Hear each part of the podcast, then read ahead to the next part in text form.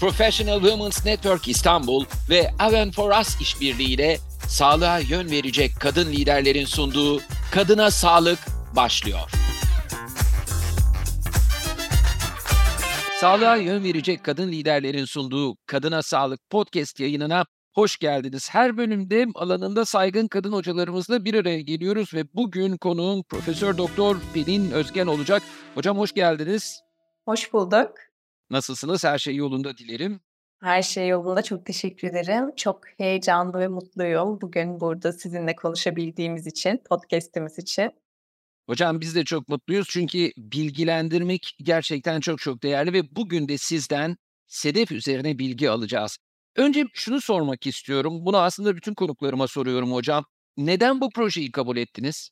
Bilgilendirme amaçlı olduğu için, sedef hastalığı zor bir hastalık olduğu için kadınlar açısından, kadınlarda çok fazla damgalanmaya yol açtığı, sosyal geri çekilmeye, depresyona yol açtığı ve toplum içinde çok fazla bilinen yanlış olduğu için sedef hastalığı ile ilgili. Yani sedef hastalığının bulaşıcı olmasından tutun da hiç tedavisinin olmamasına kadar birçok yanlış bilinen şey olduğu için bunları düzeltmek adına da hani bir kişiye, iki kişiye, üç kişiye, kaç kişiye ulaşabilirsek o kadar faydalı olabileceği için de bunun için öncelikle kabul ettim. Yani halkta çok fazla doğru bilinen yanlış var ve bunları biz düzeltmediğimiz sürece bu şekilde yanlış olarak gidiyor. O yüzden ne kadar toparlayabilirsek, ne kadar doğruları bizlere anlatabilirsek o kadar faydalı olur diye kabul ettim.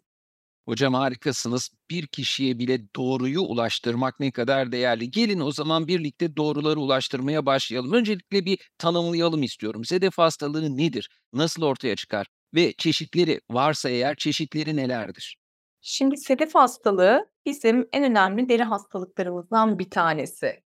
Vücutta özellikle diz, dirsek, saçlı deri, onun dışında bazen eklemler, tırnaklar, bazen yüz, bazen genital bölge, bazen koltuk altı bu bölgelerde yerleşim gösterebilen, genellikle altında kırmızı bir tabaka olan, üzerinde beyaz kalın kabuklanmaları olan, zaten sedef adı oradan geliyor, o kabukların renginden geliyor, sedefi beyaz.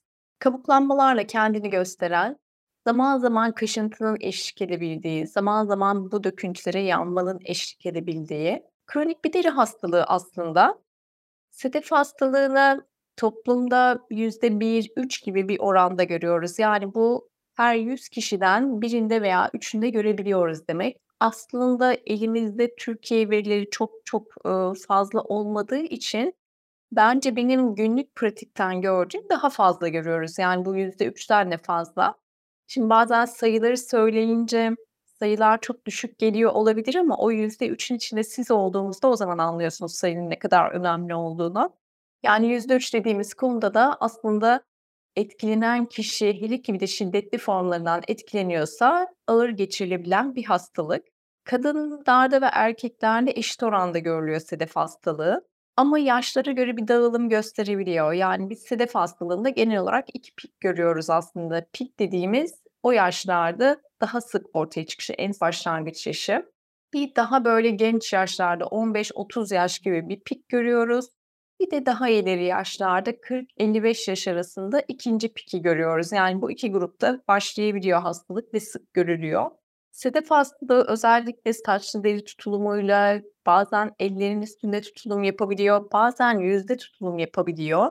Bu şekilde görünür yerlerde bir tutulum yaptığında kişinin hem stigmatizasyon dediğimiz damgalanmasına, hem kişinin hayat kalitesinin çok azalmasına, hem özgüveninin çok azalmasına yol açabiliyor.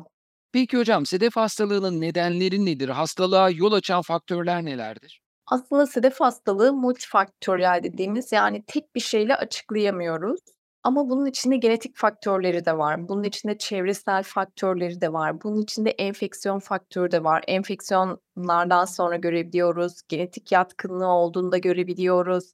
Onun dışında bazen çok şiddetli bir sıkıntı, stres, bir üzüntü yaşandıktan sonra yani tetikleyici olunca eğer genetik zemininizde varsa zaten bu ortaya çıkabiliyor. Yani kesin şudur diyebildiğimiz bir sebep yok. Multifaktöriyel diyoruz yani farklı farklı sebepleri var. Ama Bilinen sebepleri arasında en sık gördüğümüz genetik olması.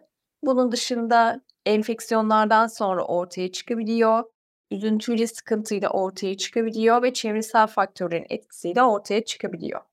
Belirtiler nedir hocam? Nelere dikkat etmemiz gerekiyor? Belirtileri kişide önce döküntü başlıyor. Yani bu döküntü ilk söylediğim gibi genellikle belli yerleri tutmayı seviyor. Şimdi sedef hastalığının en sık görülen alt tipi dediğimiz psoriasis vulgaris en sık görülen tipi. Bu plak tipi. Bu plak tipini en çok dizlerde, dirseklerde, saçlı deride görüyoruz. Ve genelde sedef hastalığı tek taraflı tutulum yapmaz. Yani tutuyorsa iki tarafı da tutar. Dizlerin her ikisinde olabilir, dirseklerde olabilir, sırt bölgesinde olabilir, tam belde, saçlı deri de olabilir. Buralarda zemini kırmızı, kırmızılığın üzerinde beyaz kabuklanmaların olduğu, beyaz kalın kabuklanmaların olduğu sedefi beyaz renkte bir hastalıkla kendini göstermeye başlıyor. İlk anda tabii ki o kitapta bizim anlattığımız gibi ortaya çıkmıyor. Önce bir döküntü olarak başlıyor ama daha sonra o klasik görüntüsünü almaya başlıyor birkaç ay içinde ve hastalığın tanısını koyabiliyoruz. Hocam az önce yaşlara göre bir dağılımdan söz ettiniz. O noktayı biraz daha açmak istiyorum. Sedef hastalığı kimlerde daha sık görülüyor? Yani en sık hangi yaşlarda ortaya çıkabiliyor? En sık başlangıç yaptığı 2 yaş var diyebiliriz. Bunun birincisi genç yaşlar yani 15-30 yaş arasında bir ortaya çıkabiliyor. Bunlar, bu grup biraz daha ailesinde olan, genetik yatkınlığı olan grupta biraz daha genç yaşta ortaya çıkabiliyor. Diğer grupsa daha ileri yaşta olan grupsa genetik yatkınlık biraz daha az ama çevresel faktörlerin etkisiyle 40-55 yaş arasında da Yine genetiğinde de olabilir ama çevresel faktörlerin etkisi, enfeksiyon sonrası, bazen ilaçlara bağlı olarak ikinci dediğimiz ikinci pik grubunda yani 40-55 yaş arasında da sık görülebiliyor ve ortaya çıkabiliyor. Peki hangi hastalıklarla birlikte görülüyor? Var mı böyle bir değerlendirme hocam? Şimdi sedef hastalığı kesin şu hastalıklarla ortaya çıkar dediğimiz bir birliktelik yok. Ama sedef hastalığınızın olması demek, sizde bazı hastalıkların daha sık görülebilme ihtimali yüksek demek.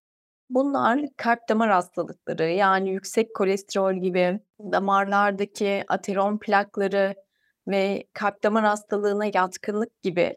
Bunun dışında diyabet gibi, obezite gibi, metabolik sendrom gibi hastalıklar daha sık görülüyor sedef hastalarında. O yüzden biz sedef hastalarımızda bu ikinci hastalıklar açısından da dikkatli olunmasını isteyeceğiz. Onun dışında da kronik depresyon, sosyal fobi yine sedef hastalarında normal topluma göre daha sık görülebiliyor. Onlar bu psikiyatrik hastalıklar açısından da daha dikkatli olmalarını istiyoruz. Zaten bunu sık sık vurguladınız hocam. Sosyal fobi, damgalanma, bütün bunlar sedef hastalığının bir yan etkisi olarak e, ne yazık ki hastaların hayatında her zaman var galiba. Şimdi o noktada şeyi de sormak istiyorum. Genel olarak hastalığın seyri nasıl olur hocam? Aslında hastalığın seyri biraz kişinin yapısına bağlı da değişiyor. Yani bazen genetik yatkınlık olduğunda hastalık çok hızlı bir şekilde ilerleyebiliyor. Yani bir 6 ay içinde Tüm tutulum yerlerinde tutulum yapabiliyor, eklem ağrıları eklenebiliyor, tırnak tutulumu görülebiliyor, hastalık şiddetli formda olabiliyor. Ama bazı hastalarda çok uzun yıllar boyunca tek plak, birkaç plak yani çok küçük lezyonlar şeklinde de seyredebiliyor. Bu kesin mesela şu hastada şu kadar hızlı gidecek diyemiyoruz başlangıçta ama eğer biraz daha genetik faktörleri ve genetik yatkınlığı varsa kişinin o zaman hastalığın bazen daha hızlı gidebileceğini söyleyebiliriz, her zaman olmamakla birlikte. Ama en başta bu çok tahmin edilemiyor. Dediğim gibi eğer hastalık hızlı bir şekilde ilerleyecekse zaten çok kısa bir sürede 6 ay, 1 yıl gibi bir süre içerisinde hastalık tüm tutulum yerlerinde tutulumunu yapabiliyor. Onun dışında eklem tutulumu yapabiliyor, tırnak tutulumu yapabiliyor. Ama hastalık eğer sakin gidecekse de çok uzun yıllar boyunca bir plak, iki plak toplam vücutta geçiyor, iyileşiyor, geçiyor, iyileşiyor. Bu şekilde bir seyir oluyor. Tekrar hatırlatıyorum bugün Kadına Sağlık Podcast yayınımızda Profesör Doktor Pelin Özgen'le birlikteyiz ve sedef hastalığı üzerine konuşuyoruz. Şimdi hocam başta bir şey söylemişti. Doğru bilinen yanlışlar, sık tekrar edilen yanlışlar gibi bir, eee, konuya vurgu yapmıştı. Hocam, buradan yola çıkarak, eee, çok net şunu sormak istiyorum, kısaca soruyorum. Sedef hastalığı bulaşıcı mıdır? Bu çok yanlış bilinen, bir durum. Sedef hastalığı kesinlikle bulaşıcı değil. Siz bir kişinin lezyonlarına dokunarak, onun döküntüsüne dokunarak asla size bulaşacak bir hastalık değil. Sedef hastalığı otoimmün bir hastalık. Bulaşıcı hastalıkları sadece enfeksiyon hastalıklarında konuşuruz. Kronik otoimmün hastalıklarda böyle bir durum söz konusu değildir ama maalesef toplumda çok yanlış biliniyor bu. Peki hocam, öncelikle çok teşekkür ediyorum bu yanlışı düzelttiğiniz için. Çok çok sorulan bir soruydu bu çünkü. Şimdi biraz da sizin cephenizden bakmak istiyorum. Eee, hekimler cephesinden tanı nasıl konuluyor hocam? Tanıyı en çok klinik olarak koyuyoruz. Yani klinik olarak dediğim, gördüğümüzde biz muayeneyle birlikte tanıyı koyabiliyoruz. Sedef hastalığı tanınması kolay bir hastalık ama bazı durumlarda bu en başta söylediğim gibi koltuk altında tutulum yaptığında, genital bölgede tutulum yaptığında, yani klasik formlarından farklı olarak gördüğümüzde o zaman hastalığın tanısını koymak zor olabiliyor. Böyle durumlarda biyopsi alıyoruz. Küçük bir deri biyopsisi alıyoruz. Punch biyopsisi bununla birlikte tanısını koyuyoruz. Şimdi hocam çok önemli bir noktaya geldik. Özellikle sedef hastalığıyla mücadele eden kadınlar hangi konulara dikkat etmelidir? Bu konuya, bu hastalığa kadınlar çerçevesinden bakmanızı rica edeceğim. Şimdi sedef hastalığında benim tüm hastalarıma ilk başta söylediğim bir şey var ilk tanışmamızda. Bu hastalık kronik bir hastalık. Yani hiçbir zaman bir hastanın tamamen kontrolsüz kalmasını istemiyoruz. Hastayı mutlaka düzenli aralıklarla görmek istiyoruz. Bu bazı hastalarda haftada 1 olur, bazen ayda 1 olur, bazen 3 ayda 1 olur, bazen 6 ayda 1 olur ama mutlaka düzenli olarak görmek istiyoruz. Yani muayenelere çok düzenli gelinmesi gerekiyor. Çünkü şöyle bir yanılgı olabiliyor. Ben iyileştim deyip tedavi bırakıldığında o hastalık, sedef hastalığı bu sefer tedaviye daha dirençli bir şekilde geri gelebiliyor. Yani düzenli kontrol altında kalmak demek hastalığı kontrol edebilmemiz açısından, hasta açısından da bizim açımızdan da çok önemli. Bunun dışında mutlaka öz güvenlerinin toparlanması gerekiyor. Yani hastalara biraz daha empatik olarak yaklaşmak gerekiyor. "Bende olsaydı nasıl olurdu?" diye. O yüzden hastaların çok endişeleri olabilir, korkuları olabilir, üzüntüleri olabilir. Bunları genelde anlamaya çalışıyoruz zaten bizler de ve bu açıdan e, hastayla tam işbirliğinde olmak gerekiyor. Yani tedavi başarısını getiren en önemli faktörlerden biri bu, işbirliği. Bunun dışında mesela hastalar içe kapanma, o içe kapanma daha sonra yeme alışkanlığını getiriyor. O yeme alışkanlığı obeziteyi ve metabolik sendromu getiriyor. Bu sefer böyle bir kısır döngünün içerisine girilmiş oluyor. Bunu kırmak gerekiyor. O yüzden mutlaka hastalarıma günlük en az bir 15-20 dakika spor yapmalarını ama bu sporu da kapalı spor salonları gibi yerlerde değil, daha açık havada, daha temiz havayla yapmalarını istiyorum. Çünkü buradaki aslındaki amacın sadece spor değil. Yani biraz hareket edilsin ama kapalı, karanlık ortamdansa mutlaka açık ortamda yürülsün. Hocam araya girmek istiyorum burada çünkü çok önemli bir noktaya geldik. Eee, baştan beri o damgalanmadan bahsediyorsunuz, sosyal dışlamadan bahsediyorsunuz. Hatta şimdi spor önerinizde bile aynı noktaya gidiyoruz. Hani dışarıda spor yapılması, içe kapanmama, bunun yol açacağı obeziteden uzak kalmak gibi bir şey. Şimdi özellikle yine kadınlar çerçevesinden soruyorum ama sedef hastalığı teşhisi almış kadınlar ülkemizde ne gibi zorluklarla baş etmek zorunda kalıyorlar? Yani bu hastalıkla mücadele eden kadınların hayatı, sosyal yaşamı, sosyal ilişkileri nasıl etkileniyor? En basit örneğini söyleyebilirim.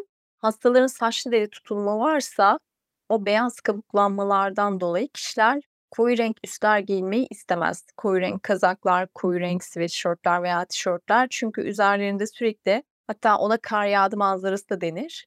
Sürekli üstlerine böyle bir pullanma şeklinde şiddetli kabuklanmalar olduğu için bundan çok rahatsız olurlar.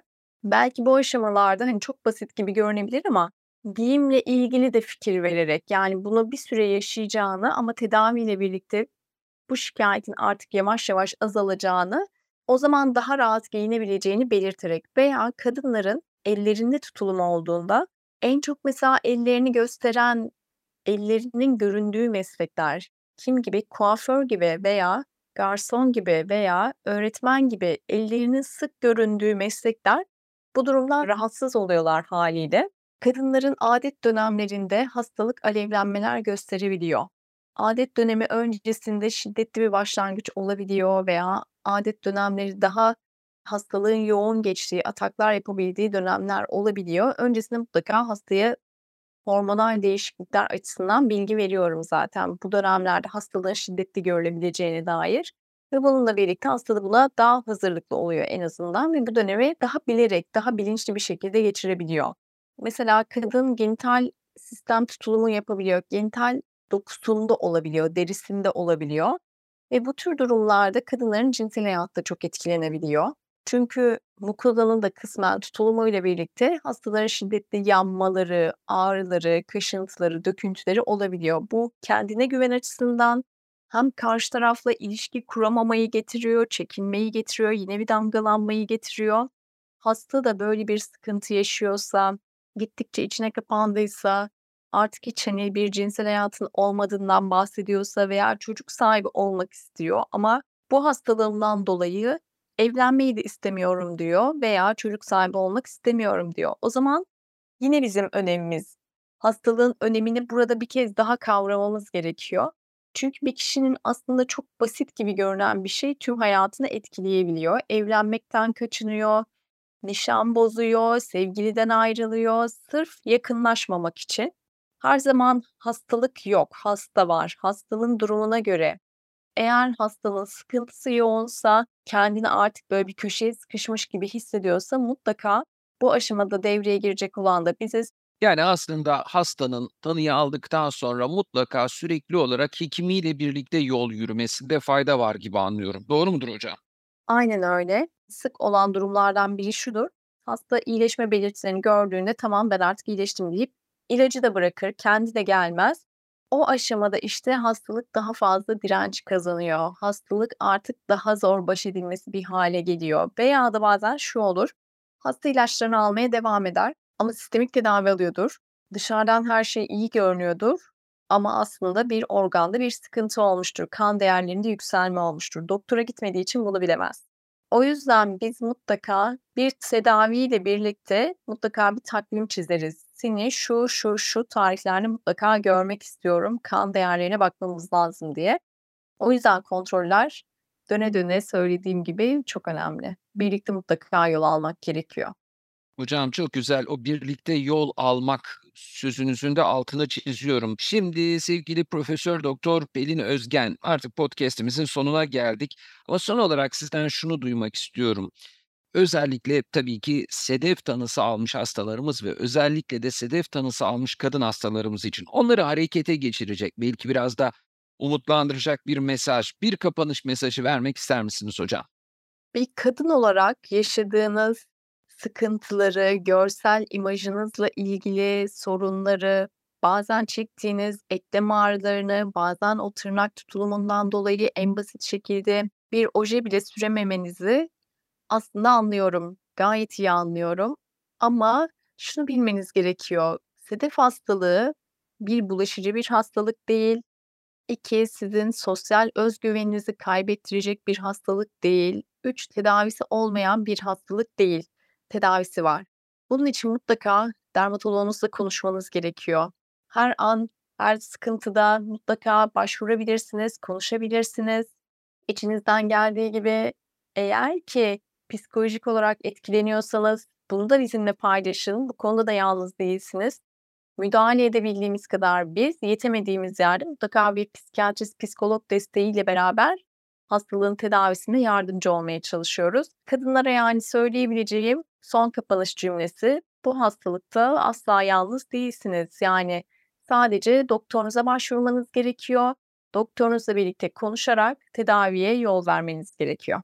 Hilal Hocam çok çok teşekkür ediyorum. Gerçekten çok değerli bir çerçeve çizdiniz. Şu anda bizi dinleyenler bu hastalık konusunda bilgi sahibi oldular sayenizde. Çok teşekkür ediyorum. Bugün Profesör Doktor Pelin Özgen'le birlikteydik. Sedef hastalığını konuştuk podcast'imizde. Bir sonraki yayınımızda yine kadın sağlığı ile ilgili önemli bir konuyu konuşmaya devam edeceğiz. Sağlığa yön verecek kadın liderlerin sunduğu Kadına Sağlık'ta bir sonraki bölümde görüşmek üzere. Sağlıkla ve mutlulukla kalın. Sağlığa yön verecek kadın liderler, Kadına Sağlık podcast serisini sundu.